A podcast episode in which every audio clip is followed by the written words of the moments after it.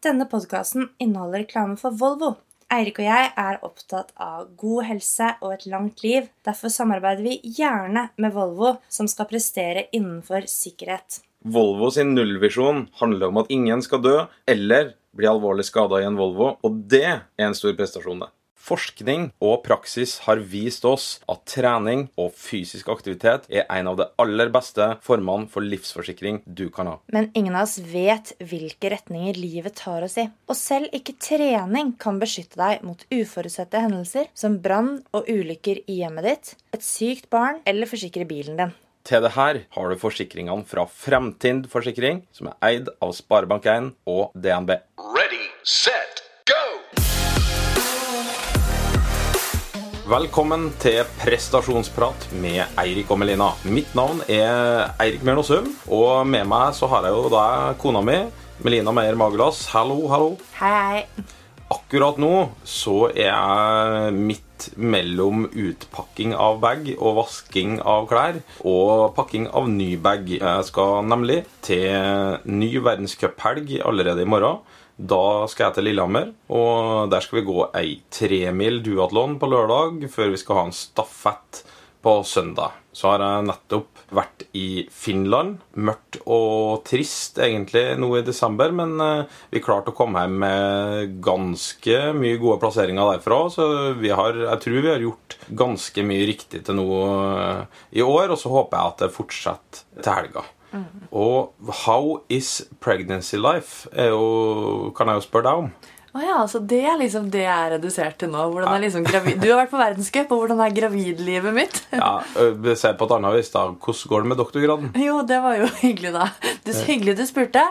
Jo, det går egentlig ganske bra. Jeg er jo i planleggingsfasen og holder egentlig på å planlegge hva jeg skal forske på. Og etter jul så venter det en stor fag- og metodeeksamen som det ryktes på stipendiatgangen at da er det bare å isolere seg av med sosiale medier, drite i alt sosialt liv når de ukene med denne eksamen pågår. Så det har jeg forberedt meg til nå, da. Du skal av på sosiale medier. Det kan jo bli, by på problemer i og med at du er glad i sosiale medier. Ja, jeg vet det. Men eh, fordelen for deg er jo at du er gift med en kar som er mye ute og reiser, så du skal slippe å ha meg hengende over hodet på deg og eh, spørre hvordan det går, i hvert fall. Ja, Du er jo på Sk Skitor Skandinavia, er det det det heter? Tor 2020 heter det. Ja, Tor 2020 går helt i surr, alle disse torene. Men da er du i hvert fall borte i to uker. Og da skal jeg benytte anledningen til å fordype meg akademisk. Men du, jeg har et spørsmål til deg. Ja. Har du sovet godt i natt? Jeg har- søv alltid veldig godt. Det er uansett hvilken seng jeg ligger i, hvilket underlag jeg ligger på, eh, om det er lyst, om det er mørkt, om det er varmt, kaldt, om det er lyd. Det, jeg tror det er en av mine store eh, fordeler som eh, person, egentlig. At uh, en god soldat eh, hviler når han kan, og hvor han kan. Det lever jeg til det fulle. Og det- er jo litt interessant, i og med at det her temaet som vi skal inn på i dag, det er et av mine favorittemaer. Ikke fordi at temaet i seg sjøl er noe jeg kan enormt mye om, eller har snakka mye om, men søvn det er noe jeg er veldig glad i. Jeg er god til å sove, bortsett fra på fly. Sånn at jeg gleda meg virkelig når vi skulle sette oss ned og prøve å fordype oss litt i det her temaet, i tillegg til det jeg gjør sjøl av søvnen. Ja, det er ekstremt spennende tema. Ja, søvn er et interessant tema. Det er et ganske ungt forskningsfelt, i hvert fall hva gjelder prestasjon, men òg i sin helhet. Jeg tror vi skal hoppe rett til vår eh, egentlig faste spalte har blitt. Fysiologitimen, hvor vi skal prøve å forklare temaet vi prater om, litt fysiologisk. Og det store første spørsmålet vi begynner med der, og det er jo om hva søvn er. Og det er jo en sånn høyt strukturert fysiologisk prosess som høres veldig sånn eh, pompøst ut når du sier det, men det er jo og en sånn naturlig tilstand der kroppen henter seg inn. Typisk kan være trening etter trening. Når vi trener, og spesielt når vi trener hardt, så bryter vi jo ned muskulatur. Og kanskje den beste måten da, å restituere seg på etter det her, er faktisk det å sove. For å ja, restituere seg og bygge opp da enda sterkere muskulatur etter trening. Ja, det er et veldig godt eksempel. Så um, gjør du mye annet riktig uh, med ernæring og trening, så er det kanskje er det mange som har, sannsynligvis har mye å hente på å få bedre søvn og ha god søvn. da. Men søvn er ikke bare én lang greie. altså Du legger deg om kvelden, og så våkner du om morgenen, og så er det som at ja, For oss så har vi kanskje drømt litt forskjellige ting, eller, eller så kan det være at du ikke husker at du har drømt noen ting, at det er nærmest helt svart. Sånn er det til meg. Jeg, jeg legger meg, og så våkner jeg ganske mange timer etterpå. Bryter av, bryter på. Ja, sånn er det Ja. til meg. Og hvis noen spør meg om jeg har drømt, eller noe sånt, kan jeg jeg husker aldri på noen verdens ting. Jeg, jeg tror nok jeg drømmer, men jeg vet ingenting om det. For i det lyset slukker, eh, bokstavelig talt, så sover jeg til klokka ringer igjen på morgenen. Ja, men Det er ingen som jeg kjenner som har så godt sovehjerte som du har. Altså, Vi har jo hatt samtaler på morgenen hvor jeg tror at du er ved din fulle bevissthet. Vi har gjort avtaler. Vi møtes senere på dagen. F.eks. den gangen vi avtalte at vi skulle møtes og trene, og du møter meg, for du skulle jo hente meg. Det hadde du fått med deg. Men treningstøyet var ikke med, for det husket jo ikke du at vi hadde avtalt på morgenen. Så du sov mens vi hadde en samtale, og husket ingenting. Altså Hvis ikke det er godt hjertet, så da vet jeg ikke. Men i hvert fall så er det jo sånn at søvnen er Den er ikke helt sånn som du beskriver den. Erik, at det er liksom avbryter, påbryter. Det er Altså Søvnsyklusen vår den går gjennom fire ulike stadier. Og da er det også sånn at en søvnsyklus på fire stadier kan gjenta seg flere ganger i løpet av natten. Og det er heller faktisk ikke unormalt at man, noen mennesker våkner også mellom søvnsykluser. Så det er ikke unormalt å f.eks. våkne om natten, selv om det sannsynligvis er mest behagelig å sove gjennom. Men i hvert fall så tenkte jeg skulle bare si bitte lite grann om hver søvnsyklus. Den første fasen det går altså da i fase 1, 2, 3, og så er det rem-søvn. Rapid eye movement står ikke for det. Ja, det stemmer. Det er rapid eye movement. Men hvis vi tar fase 1 først, da, så er jo det innsovningsfasen. Og da er det jo fortsatt ganske lett å vekke. Kroppen begynner jo å, å roe seg ned. Hjertefrekvensen begynner å senkes.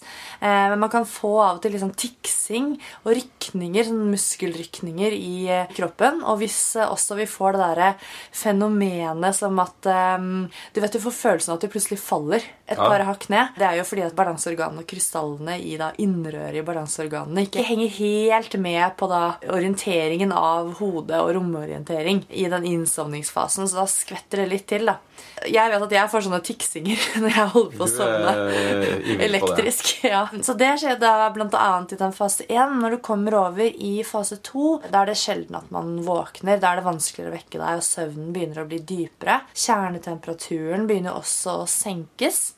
Fase 3 er den som kanskje veldig mange finner ekstra interessant. Det kalles ofte for den anabole fasen, eller den muskeloppbyggende fasen. Og der vet vi også at f.eks. veksthormon, da, som bidrar til at muskulaturen repareres og at den blir sterkere, er litt høyere. Så det er også hormonelle svingninger i løpet av natten. Og i den fase 3 da er vi i en sånn tilstand som vi ofte kaller for slow wave sleep. Eller at vi har sånne deltabølger, som er noen spesielle type bølgelengde. da. Og eh, noe av det som også foregår i da bl.a. Eh, tredje fase, det er jo da at du går gjennom en prosessering og lagring og vurdering egentlig av minnene dine og inntrykkene dine som har vært gjennom den siste dagen eller den siste tiden. Så søvn er viktig for minnene. Det er som en datamaskin. Da, altså, Den driver og lagrer. Loading, loading. Altså, det sant? timeglasset på det tidspunktet det står og ruller litt Står på og ruller. der. Ja. Til slutt så har vi da REM-søvnen. Det er Rapid Eye Movement. Sleep. Og det er egentlig kjent som sånn drømmestadie. Og det er kanskje det, er, det heter jo Rapid Eye Movement. Hvis du ser på noen som sover i REM-søvn, så ser man liksom øynene går under øyelokkene frem og tilbake. Men ganske sånn Nesten litt sånn spastiske, nesten litt skumle bevegelser. Men det er en veldig sånn aktiv fase. Eh, mye drømmer. Og ofte så kommer den kanskje litt mot slutten av søvnsyklusen. Men er- søvnsykluser kan ha veldig forskjellige eh, forløp og utseende hos forskjellige mennesker. Hvis man er på en søvnklinikk, for eksempel, så gjør man sånn hypnogram, heter det. Så får man ut et sånt diagram som viser søvnsyklusene, da. Men er det sånn at i løpet av én natt så kan du være innom rem-søvn da flere ganger? Ja, det er litt av poenget. At en syklus er ikke Du starter med fase 1, og så er det fase 2, 3, og så 4 med rømsøvn, og så god morgen. Det er ikke nødvendigvis sånn at en, en søvnsyklus kan vare et par timer, og så gå flere ganger i løpet av natten. Jeg starta jo den podkasten her med å komme inn på at jeg er veldig glad i å sove, og har et, eh, egentlig et enormt sovehjerte. Og så tror jeg jo min søvn den går veldig i bølgedaler, litt avhengig av hva det er jeg driver med. Når jeg er på ei verdenscuphelg eller konkurransehelg eller er på ei treningssamling etc., da sover jeg ganske lite. Og så er jeg vet ikke om vi skal kalle det å ta igjen søvn, for det tror jeg egentlig at det er så mye som heter. Men når jeg kommer hjem fra samling eller skirenn eller sånn der, så sover jeg en god del mer igjen enn snittet. Så jeg tror nok at mitt snitt ligger ganske på anbefalingene, som er 7,5 til 8 timer for voksne. Og jeg tror nok jeg ligger på rundt 8 timer hvis jeg har tatt 1. januar til 31. desember et år, så tror jeg nok at snittet mitt er ganske eh, på åtte. Selv om for meg så er enkelte netter kan være fort vært ti. Og så er det ganske mange netter som er fem timer. Typisk nå til helga når jeg skal på Lillehammer og være veldig på som eh, jeg er når jeg er på skirenn. Da er, jeg, er, pulsen min litt høy, og jeg er veldig Du er veldig gira? ja, jeg er veldig gira på det vi skal gjennom. Jeg er veldig konsentrert på det. Senest nå i helga når vi var i Finland, så våkner jeg av meg sjøl, og det er ikke veldig normalt til meg å være. Da våkner jeg rundt 5.30 eh, på morgenen, lys våken nærmest i boblejakke og boblebukse og står i startposisjon og klar til skirennene starter. Ja, Men det er ikke tull engang? Nei, det, det, er faktisk ikke tull. Nei, Og her hjemme, når det er sånn fem minutter til vi skal kjøre av gårde, du skal kjøre meg på jobb, eller noe sånt, så er det sånn Da er klokken, den snusbøtten, den har blitt brukt veldig kraftig, og jeg har mast og mast og mast, og da står det fem minutter før vi skal ut. Ja, så det er litt sånn min måte å løse det her på. Men snittet mitt tror jeg er ganske bra. Det er på åtte timer. Og så tror jeg du sover Eller det veit jeg. Du sover mindre enn meg. Ja, jeg står opp sånn klokken fem, og sånn, og ofte så legger vi oss jo samtidig. Så hvis vi legger oss samtidig, og jeg står opp klokka fem, så, og du står opp mye senere, så sier det seg selv at jeg får litt lite søvn. Men jeg har også litt sånn fasisk prioritering av det der. fordi i perioder, hvis jeg eh, prioriterer f.eks. treningen min veldig høyt, da, så gjør jeg jo et poeng av å sove mer. Og for et uh, par år siden så hadde jeg jo et prosjekt som jeg kalte Klokken ti-prosjektet. Det var at jeg skulle legge meg senest klokken ti, og jeg skulle helst ha ti timer søvn. Og det har basis i uh, noe forskning som jeg har lest, som vi kommer litt tilbake til. Men jeg kan si med en gang at det å sove mer enn du ellers er vant til, det kan ha ganske positiv effekt på prestasjonen. Men mer om det litt senere, da. Ja da. Og jeg er jo som sagt glad i å sove litt lenger enn, enn jeg må til tider. Men et stort spørsmål i det her, som kan kanskje være sjølforklarende for enkelte, det er på hvorfor sover vi? Vi føler jo det at vi sover ikke for en grunn annet enn at vi er trøtt. Altså, jeg må ha søvn, men det er jo en grunn til at du får det her trangen, og at du blir søvnig, og at det er naturlig for oss å sove. da. Ja, Det som er fasitsvaret på hvorfor sover vi, det er øh, vi vet ikke. Altså, Det er ikke tydelig nok. I og med at dette er mm. såpass ungt forskningsfelt, som er stadig voksne, men, men likevel er det ikke tydelig nok eksakt hvorfor sover vi. Um, så, men det som det kan se ut som, er at søvn har ikke bare én funksjon. Søvn har mange forskjellige funksjoner. Og blant de funksjonene som eh, man har sett litt på, så er det jo dette med prosessering og lagring av minner. Mm. At du husker bedre og husker mer, f.eks. Hvis du får mer søvn enn hvis søvnen din blir veldig begrenset en periode. Og så, foregår det jo også en slags opprensningsprosesser i hjernen, hvor man får fjernet avfallsstoffer. Den væsken som er inni hjernen vår og beveger seg gjennom ventriklene der, den får andre mønstre når vi sover enn når vi er våkne eller har fysisk aktivitet, f.eks. Så det handler litt om opprensning der. I tillegg så har jo søvn effekt på immunforsvaret vårt og immunfunksjon, så der har jo søvn en viktig rolle. Det, det, er jo sånn en kanskje merker hvis en begynner å en, Mange har jo sikkert kjent på det at sånn Holder jeg på å bli sjuk? Holder jeg på å få litt vondt i halsen? Driver jeg bli, får influensa? Holder jeg på å bli forkjøla? Så i hvert fall til meg så får jeg en sånn akutt greie Nå er søvn som gjelder. Prioriter. Prioriter søvn. Får en sånn akutt, nærmest sånn ryggmargsrefleks. da som sier meg at nå må du bare i seng, du må legge deg med T-skjorte, og så skal du sove natta gjennom, eh, ta en Paracet, og så sove natta gjennom. Og svette ut. kryss fingrene da, for at du faktisk slipper å bli forkjøla Ja. neste morgen. Så ha en sånn feeling på at mye søvn da, hjelper mot uh, kanskje et influensautbrudd eller å bli forkjøla. Det er jo ikke noe forskning bak det her sånn direkte å sitere på nå, da, men jeg føler jo også at de periodene du beskriver der, de kommer typisk etter perioder med litt for lite søvn. da. Det Eh, litt for lite søvn og da litt høyere stress i kroppen. Men sånn generelt sett så, så ser det ut som at det er forskjellige prosesser som går for at kroppen da skal komme tilbake til det vi kaller for homeostase. Det er en tilstand av likevekt. Det er en fysiologisk likevekt eh, i, i kroppen. At vi får rett og slett nullstilt oss litt mens vi sover. Jeg tror ikke jeg bare snakker for meg sjøl når jeg sier at jeg også har opplevd perioder der jeg kanskje har fått for lite søvn, og nesten føler at du da sliter med å følge med i samtaler kan være. Det kan være at jeg sitter og kjørt bil etter eh, en lang helg på skirenn, og du er ordentlig, ordentlig trøtt, så du føler nesten at det går på helsa løs. da, At du eh, ikke har fått nok søvn. Det kan jo faktisk gjøre det. Sånn I forhold til sikkerhet så er det der med bilkjøring en ekstremt viktig greie. da, At du skal jo ikke sette deg i bilen og kjøre av gårde når du egentlig er kjempetrøtt. Og jeg har lest et par studier i forhold til eh, dette her med reflekser, eh, motorikk og reaksjonstid ved søvnmangel. At man har bare vært ja, våken kjempemange timer i strekk. da, Hatt en skikkelig skikkelig lang dag. Så eksempel hvis man har, man har vært våken da, i rundt sånn 17-18 timer, så skal det være tilsvarende reaksjonsevne og reflekser som du ville hatt hvis du hadde 0,05 i promille. Og hvis du bikker døgnet, hvis du rett og slett har døgna, så er du oppe i Ja, da er egenskapene dine på nivå med 0,1 i promille.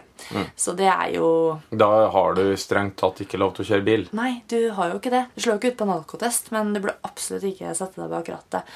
Så søvn kan ha stor betydning for sikkerhet. Vi tar jo bedre avgjørelser, og refleksene våre er også og reaksjonsevnen vår og evnen vår til å bedømme eh, situasjoner er jo bedre når du er uthvilt. Nå skal vi snakke mest om prestasjon. da. For å si litt om dette med, med helse, og hvordan f.eks. potensielt for lite søvn kan påvirke helsen vår, så er det jo eh, sterke sammenhenger mellom lite søvn og f.eks. økt overvekt og fedme. Og det er jo også eh, risikofaktorer for å få diabetes type 2, f.eks., som er en av de store folkesykdommene. Kolesterolet kan øke, og så har man også sett at det kan bli en akselerering i fettlagringen. At kroppen går rett og slett i en slags, det er en slags fight or flight-tilstand. At man begynner å, å lagre fett til nedgangstider. Sånn kan jo kroppen tolke søvnmangel over tid. da.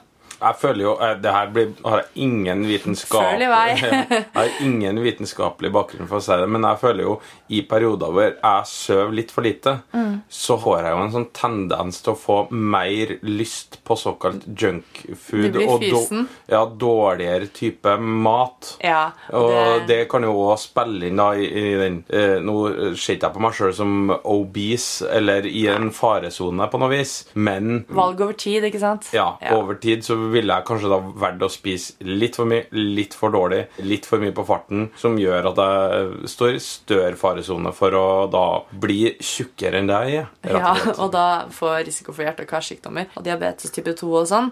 Og det er faktisk noe i det du sier. Nå, nå har ikke jeg liksom lest meg så veldig opp på det i henhold til denne episoden her, men f.eks. Eh, frigjøringen av eh, hormoner som promoterer sult, f.eks. grelin og sånne ting, kan også øke da ved eh, lite søvn.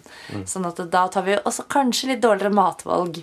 Blodtrykket kan øke, og høyt blodtrykk over tid er jo også en risikofaktor for sykdom. Og dødeligheten totalt sett øker. Så det er jo litt sånn gloomy facts, men det spiller jo tilbake på at uh, søvn har en stor betydning for helsen på lang sikt, uh, og da også for livskvaliteten vår. Hvis vi går litt tilbake til dette her med bilkjøringa da, og konsentrasjon og sånne ting, så er det jo også Det er jo ikke bare metabolske konsekvenser av lite søvn, men man får jo også dårlig konsentrasjonsevne. Eh, Noen kan oppleve at du får mer humørsvingninger, at du blir rett og slett litt moody ved for lite søvn. Jeg tror at jeg er en av de.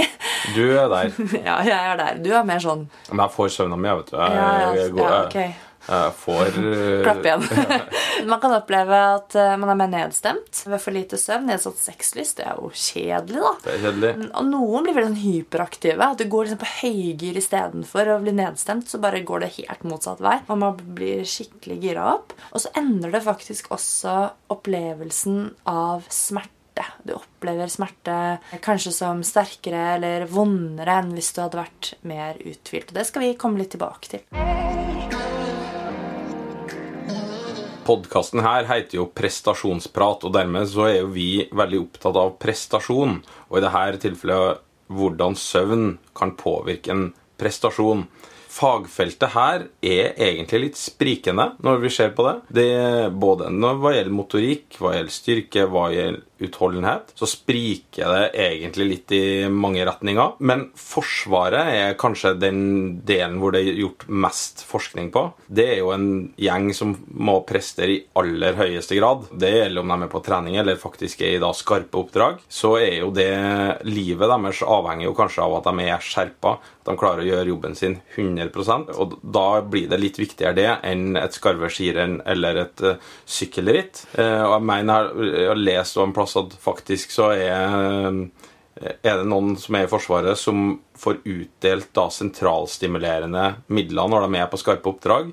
I den hensikt at hvis de får for lite søvn, så skal de kan holde seg skjerpa. Noe som da sentralstimulerende midler vil hjelpe dem til.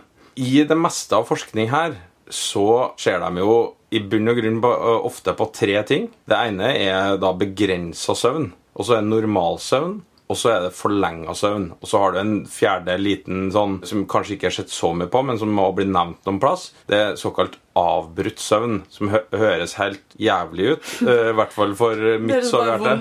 ja, den, det er forskning jeg aldri ville ha vært med på. Men i hvert fall så er jo typisk da en sånn forlenga søvn. Det kan jo være ni til ti timer søvn. Mens normalsøvn ofte i forskninga det er mellom 6,5 og 7,5 timer. Mens da begrensa søvn er enda kortere. Og når vi ja, Hvis jeg skal prøve å summere opp litt av det sprikinga, da, så finner jo vi da at en del forskning som skjer på forlenga søvn, faktisk viser at økt utholdenhet, annet, noe som er veldig eh, positivt, eh, vil jo jeg si, som er trener i en utholdenhetsidrett. Og liker å sove.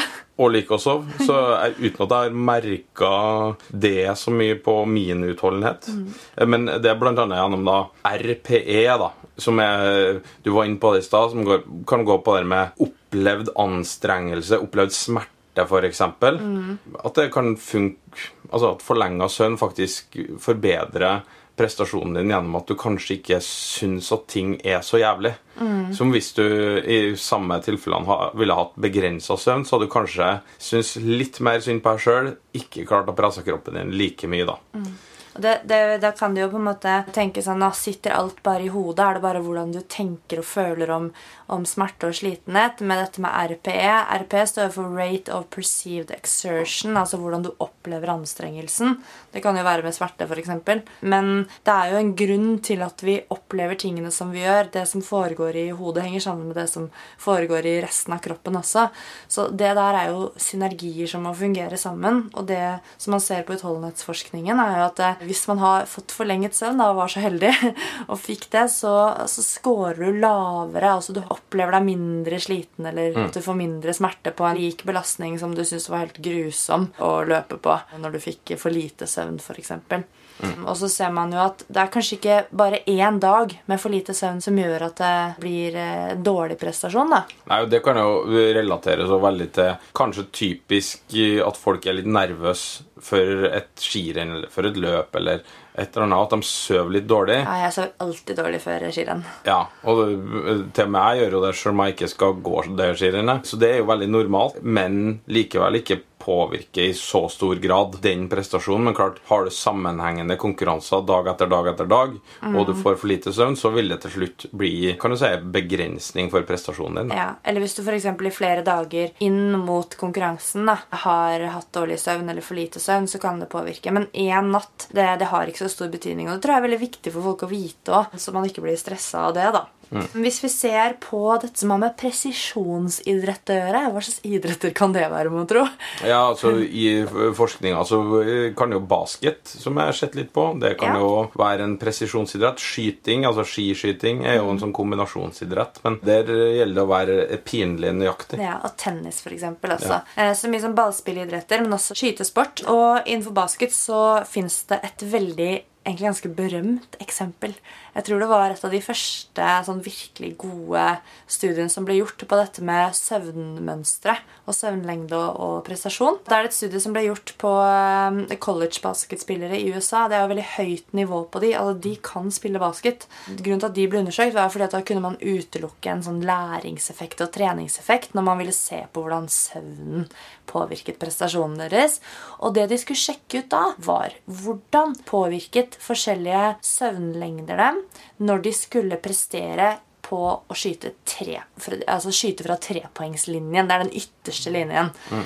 hvor du da får tre poeng, og da er det noe- nærmest litt vanskeligere eh, å skyte derfra enn å skyte nærmere kurven. Så det, da hadde de litt forskjellige mm, protokoller. Nå husker jo ikke jeg alle helt eh, korrekt i hodet, men jeg vet at de hadde en med for lite søvn, at de hadde en med avbrutt søvn, og også en med forlenget søvn. Og så hadde de sannsynligvis en med normal søvn for sånn kontrolltilstand. Det som var litt kult, da, når de sov opp mot ti timer, så forbedret disse college-spillerne skyteprestasjonen din fra trepoengslinjen med 20 Og når du allerede er sinnssykt god i en idrett Vi vet jo at det er ekstremt høyt nivå på collegebasket. Stor idrett i USA. Uh, altså Du klarer å forbedre deg med 20% Det er mye når du er på høyt nivå. Ja, det er, det er veldig mye. Ja. Og så husker jeg ikke på om det er sammenligna med utgangsnivå eller i forhold til begrensa søvn, da. men uansett så er det en stor forbedring. Ja. Det er ikke noe tvil om at hadde jeg vært basketballspiller med mine 1,78 på strømpelesten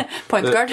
ja, Det hadde passa meg perfekt. Ja, det hadde Fordi gjort. da kunne jeg jo sagt at her er vitenskapelig evidens for at jeg bør få lov til å sove ti timer i døgnet. Den studien satte i hvert fall dette med å studere søvn og presisjon og, og, og den type ting på kartet. da. Og innenfor tennis, for eksempel, som også er blitt studert, så har man sett at én til et par netter med mm, rundt fem timers søvn det har redusert av servepresisjonen med 30-50% og det er også kjempemye. Så det har mye å si for det nevromuskulære, for motorikken og presisjonen. Og det kan jo også være at selve konsentrasjonen også blir påvirket. Når det gjelder styrke, så er det et av de områdene hvor det er rett og slett mest miksing og blanding og spriking i resultatene. Det er nok kanskje Jeg har en teori om at det er litt fordi at det kanskje ikke er forsket like mye på styrke som, eh, og kraft som på presisjonsidrett og innenfor utholdenhet. Og den utholdenhetsforskninga den er så relevant for da eh, Forsvaret, bare i Norge, men andre land også, så derfor har det blitt mye mer av det. Det blir større kvantum når du har soldater Ja, det, enn når du har vektløftere. Ja. Så, men jeg kan trekke frem et par eksempler. da. Det er gjort eh, også der på college-nivå noen studier på vektløftere. Blant annet en studie med, med ti vektløftere hvor de også fikk en sånn søvnrestriksjon. Jeg tror det var én til tre dager. Og det viste ingen eh, signifikant eh, forskjell da, i styrkeprestasjonen. De fikk ingen negativ effekt, med andre ord. Det samme har man sett med tre dagers søvnrestriksjon på styrkeløftere, og også én dags søvnrestriksjon. At dette som har med anarob prestasjon å gjøre, altså styrke og kraft, ikke har blitt nevneverdig begrensa. At de utøverne har prestert opp mot sitt maksimale nivå. Da kan en jo tenke at det ville gjeldt det samme for Typisk hvis du er 100-metersprinter, som også er en veldig anarob Ja, eh, greie. At det kanskje kraft. gjelder det samme der. Ja, Jeg har ikke sett noe på det, da, men øhm, det er jo grunn til å tro da, teoretisk sett at man kan trekke noen paralleller. På en annen side da, så uh, fins det også noen studier på sånne tredagers søvnrestriksjonsprotokoller hvor man faktisk har sett at i øvelser hvor du skulle bruke de største muskelgruppene, så klarte man å løfte mindre vekt. Så det er litt sånn sprikende resultater der. Så for dere som eh, prioriterer styrke- og kraftidrett og, og styrketrening, så ville jeg i hvert fall egentlig prøvd å forske litt på deg selv og se hvordan du opplever din prestasjon eh, når du sover eh, lite eller mye og bra eller dårlig. Om det er noen sammenhenger. Fordi forskningen har dessverre ikke så mye å konkludere med for deg enda da. Jeg vet jo at mange av mine de skriver treningsdagbok, men det å faktisk ha egen sånn søvndagbok, det å notere da, de forskjellige søvnlengdene dine, det å notere, ja, gi deg en score da, på hvor godt sov du, og så prøv å relatere det opp mot din egen følelse på trening dagen etterpå, sånn at du får et bilde av hvordan søvn påvirker akkurat deg som individ. Om du skal bli verdensmester i ditten eller datten, spiller ingen rolle, men skal du bli det, så er detaljene viktige, og blant annet søvn viktig, og da seg hvordan skal du takle det der inn mot en konkurranse, hvordan skal du være best mulig forberedt, det tror jeg er utrolig viktig. Og så tror jeg at ikke sant? Dette her med Vi vet jo at altså, psykofarma og sovemedisiner og sånn altså Det er big business, og, og det har vært det i mange mange år. Og det har nok sånn, jeg tror det har vært det lenger enn den søvnforskningen vi ser nå, har eksistert. Og det betyr jo at folk sliter med søvn. Ja. Ikke sant? Det er et problem for mange at man ikke får sovet nok. Man opplever seg sliten. Man er usikker på om man sover nok i forhold til aktivitetsnivå osv. Og, så og det å da bruke en søvndagbok i en to til tre uker Ikke bare bruke den sleep cycle og trackere på mobil og, og i klokka og sånn. Fordi der får du på en måte samlet kanskje inn noe data om hvor mye du beveger deg, og kanskje um, du får sett cirka, kanskje hvor lenge du sover og sånt nå. Men akkurat hvordan du opplever deg og føler deg, kan jo ikke pulsklokka eller mobiltelefonen fortelle deg. Så det med å gi deg selv en score eller notere et par ord om hvordan du, du opplevde søvnen, og også hvordan du opplevde treninga, det hjelper deg å se etter mønstre. Vi har jo en del tips til dere lyttere på hvordan du eh, kan sove bedre. Eller 'slik sover du bedre'. Det høres ut som en sånn veldig sånn tabloid Høres ut som en sånn klikkbar artikkel. Ja, Vi har en del tips, og så tenkte vi at vi har fått så mye spørsmål, bl.a. på Instagram-kontoen vår som heter Prestasjonsprat, så vi tenkte å prøve å komme med de tipsene gjennom og en del av de spørsmålene vi har fått inn om det her temaet. Og første spørsmål lyder som følger. Kan for mye søvn være negativt for prestasjonen? Da skal jeg gi et svar som er litt sånn diffust, for da, da sier jeg kanskje. Og det handler jo kan, tror jeg litt om hva er du vant til. Jeg tror Hvis du er vant til å sove eh, sju timer, og så plutselig så eh, legger du inn en ni-ti timers bolk, som vi har hørt tidligere kanskje kan være positivt, men i den situasjonen så tror jeg det kanskje kan bli litt sånn slapp. Så at ja, det kan være negativt for prestasjonen, men hvis du er vant til å sove ni til ti timer, så er det ikke sikkert at det er så negativt å fortsette å sove så lenge, da. Nei, da må Jeg også bare skyte inn, jeg nevnte jo dette klokken ti-prosjektet mitt. Med at jeg skulle sove opp mot ti timer. Og i den perioden jeg var rå på klokken ti-prosjektet Altså, det skal sies, jeg perser i hytt og pine og gevær på eh, testløp og konkurranser, og det gikk eh, Altså det gikk veldig forskning- bra på trening. enkel så enkel forskning forskning på meg sjæl eh, tilsier at det funker. Nei, Så man må egentlig bare prøve ut. Det er jo rådet, da. Neste spørsmål. Melatonin. Kan det være hensiktsmessig for bedre søvn og regulering av døgnrytme? Oi. Eh, melatonin er jo et sånn mørkets hormon som skilles ut i hjernen når det blir mørkt ut. Typisk nå når det blir vinter, så har vi mer melatonin. Helt naturlig. Og som, kan hjelpe, som gjør deg litt mer sånn søvnig. Å bruke medisin for å sove er jo jeg i utgangspunktet litt sånn imot, da. I hvert fall Eh, hvis ting er normalt. Det må vi ja. understreke. Ja, men det kan hjelpe deg hvis du reiser litt over tidssona. Så kan det hjelpe deg å komme kjappere inn i da, kalle den lokale døgnrytmen. Og så tror jeg jo at det kan hvis du er en person som sliter veldig med søvn, så kan jo det i perioder være veldig negativt. Det å sove lite, og da kan potensielt melatonin hjelpe deg for å sovne litt enklere. Det er jo et sånn innsovningshormon mer enn en, en sovepille. Og Det tar oss egentlig rett til neste spørsmål. Og det er flere som har sendt inn egentlig samme spørsmålet, så dette her tror jeg faktisk vi må ta for oss. Hvordan kan man få bedre innsovning? Eller tips til innsovning? Jeg er jo kanskje feil person å svare på det, for jeg har aldri hatt noen problemer med det. Jeg lukker øynene, og så kan jeg tenke to tanker, og så sover jeg. Ja. Men jeg, jeg har jo merka det i, hvis jeg er litt stressa, eller at det Til meg så er det jo typisk skirenn. At jeg ligger og tenker på morgendagen.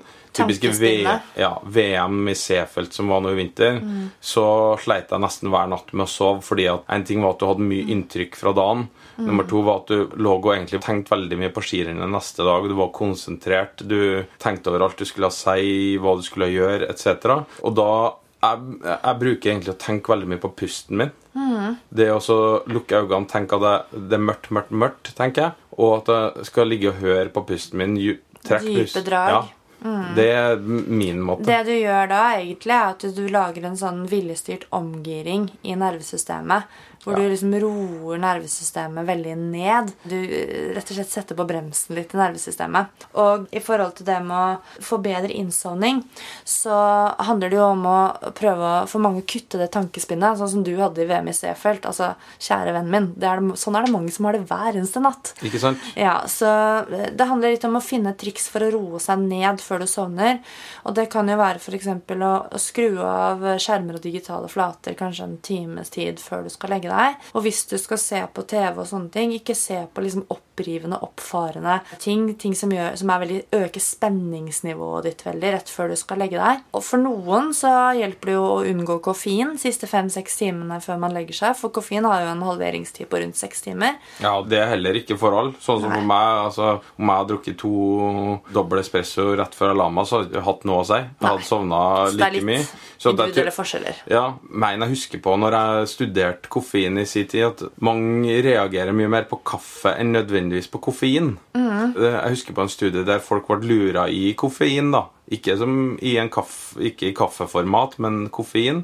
Og da hadde de ingen problem med søvn. Men de samme personene hadde veldig problem med søvn hvis de drakk halvparten så mye koffein, men tok det i form av kaffe. Så det er mer kaffe enn koffein i seg selv i den Kanskje. studien der, da. Ja. Kanskje. Ja, det er Men veldig interessant, da. Det er ingen tvil om at koffein kan potensielt øke pulsen din. Og du Ja. kan kjenne, ligge og kjenne litt mer på pulsen din når du skal legge deg. Mm. det, For det er jo sentralstimulerende. det er det. Ellers så hjelper det, kan det også hjelpe å ta en god, varm dusj, eh, et varmt bad, eller drikke noe varmt. Vi sitter jo her på kvelden nå med hver vår kopp med gløgg, faktisk. Så Ja. Det er desember. treffer på det tipset. Um, det handler jo litt om å øke kroppstemperaturen. Da kan man ofte føle seg mer søvnig og avslappet. Så det er ikke noe tvil om det. Har du trent ordentlig Og det er jo i denne podkastens ånd, da. At uh, kanskje en av de sterkeste anbefalingene jeg da har, er at neste dag så tar du deg en ordentlig treningsøkt i løpet av dagen. Der du eh, kjenner at denne økta ble jeg litt sliten av. Ja. Det eh, kan ofte hjelpe deg med å få sove på kvelden. Da må jeg skyte inn at det å trene veldig, veldig hardt rett før du skal sovne, eller legge deg Det siste du gjør, er å trene en rysere av en intervall eller en eksplosiv eh, styrkeøkt. Det kan potensielt gjøre det veldig vanskelig å sovne, fordi du girer opp kroppen veldig. Men det er klart, hvis det er eneste tiden du har til å trene en hardøkt på, så er det jo en cost-benefit-avveining du må gjøre. da. Fysisk aktivitet er ekstremt viktig, men vit da at Hvis treningsøkten må gjøres veldig sent, så vil jeg anbefale å trene mer rolig eller moderat. da. Men her er det også individuelle forskjeller. da. Det er viktig å understreke.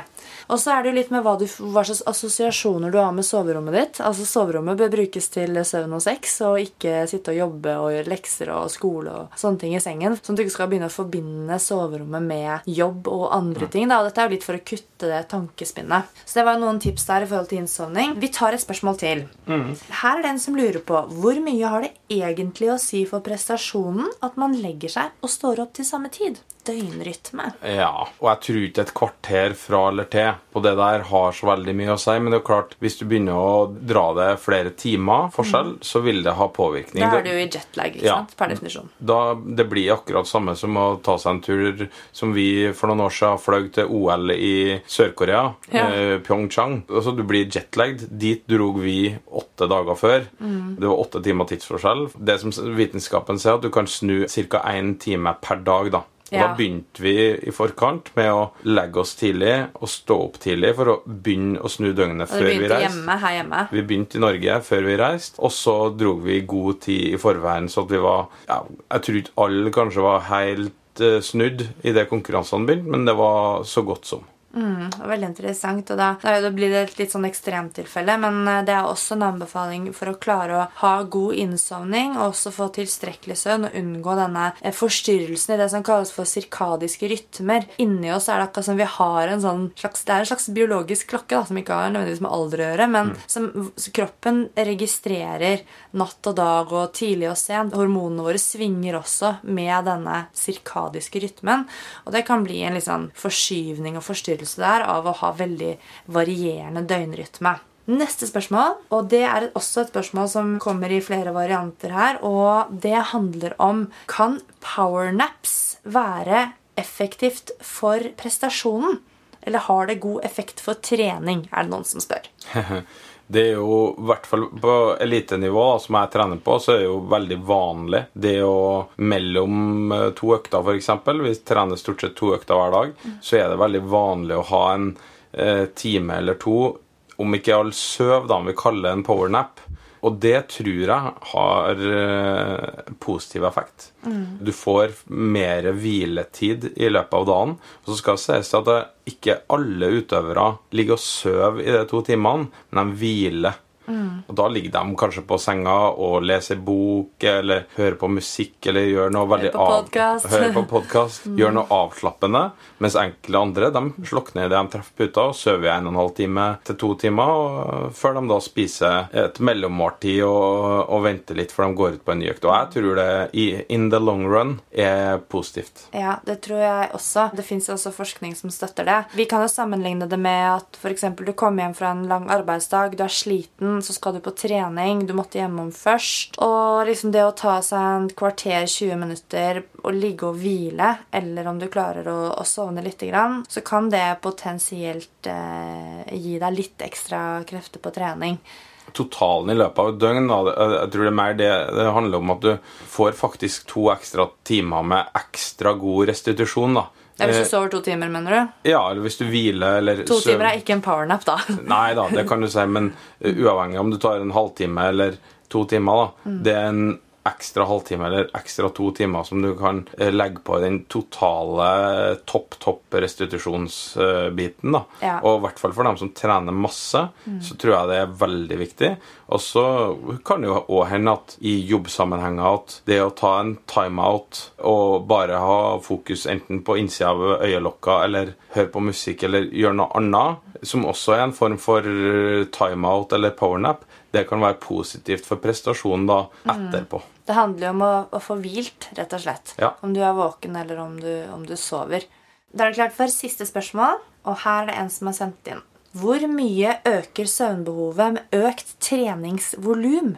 Ja, Det er jo kanskje vanskelig å svare sånn eksakt på det. Hvis du øker treningsvolumet med en time, hvor mye søvn tilsvarer det. Men jeg tror jeg har ganske gode holdepunkt for å si det at hvis du trener mer, øker øh, volumet ditt, enten i form av økt intensitet eller økt lengde på øktene, så øker òg søvnbehovet ditt. Det er jeg ganske sikker på. Litt fordi at restitusjonsbehovet ditt blir større. Så jeg svarer på det litt gitt at alt annet er likt. For at restitusjonen din eh, Det er ingen plass du restituerer bedre enn når du sover. Og da går jeg fra å trene to timer om dagen til å trene fire timer om dagen. Så trenger jeg eh, kanskje feil å si at jeg trenger dobbelt så mye restitusjon, men jeg trenger vesentlig mer enn det jeg trengte tidligere. Og da er søvn ja, skal vi kalle det beste medisin? Ja, jeg pleier å si at eh, søvn er en av de billigste og mest altså, lettest tilgjengelige prestasjonsfremmerne. Man er så opptatt av liksom, hvilke sko skal eh, gi deg best energi-return, og forskjellige koffeinpreparater man får kjøpt eh, i sportsbutikk, og liksom masse detaljer.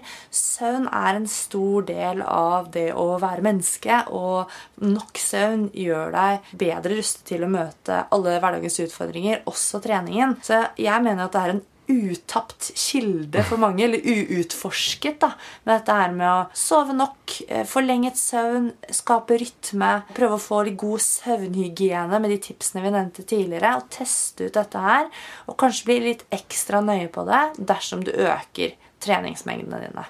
Og dere var såpass kloke ord at vi lar det bare henge der som siste ordene her. Følg oss på Instagram, på Facebook, alle sosiale flater under prestasjonsprat. Vi kommer til å komme med noen morsomme videoer. Vi kommer til å komme med interessante ting relatert til det episodene vi spiller inn. Så følg oss der. Og med det så takker vi for i dag. Ha det bra. Ha det bra!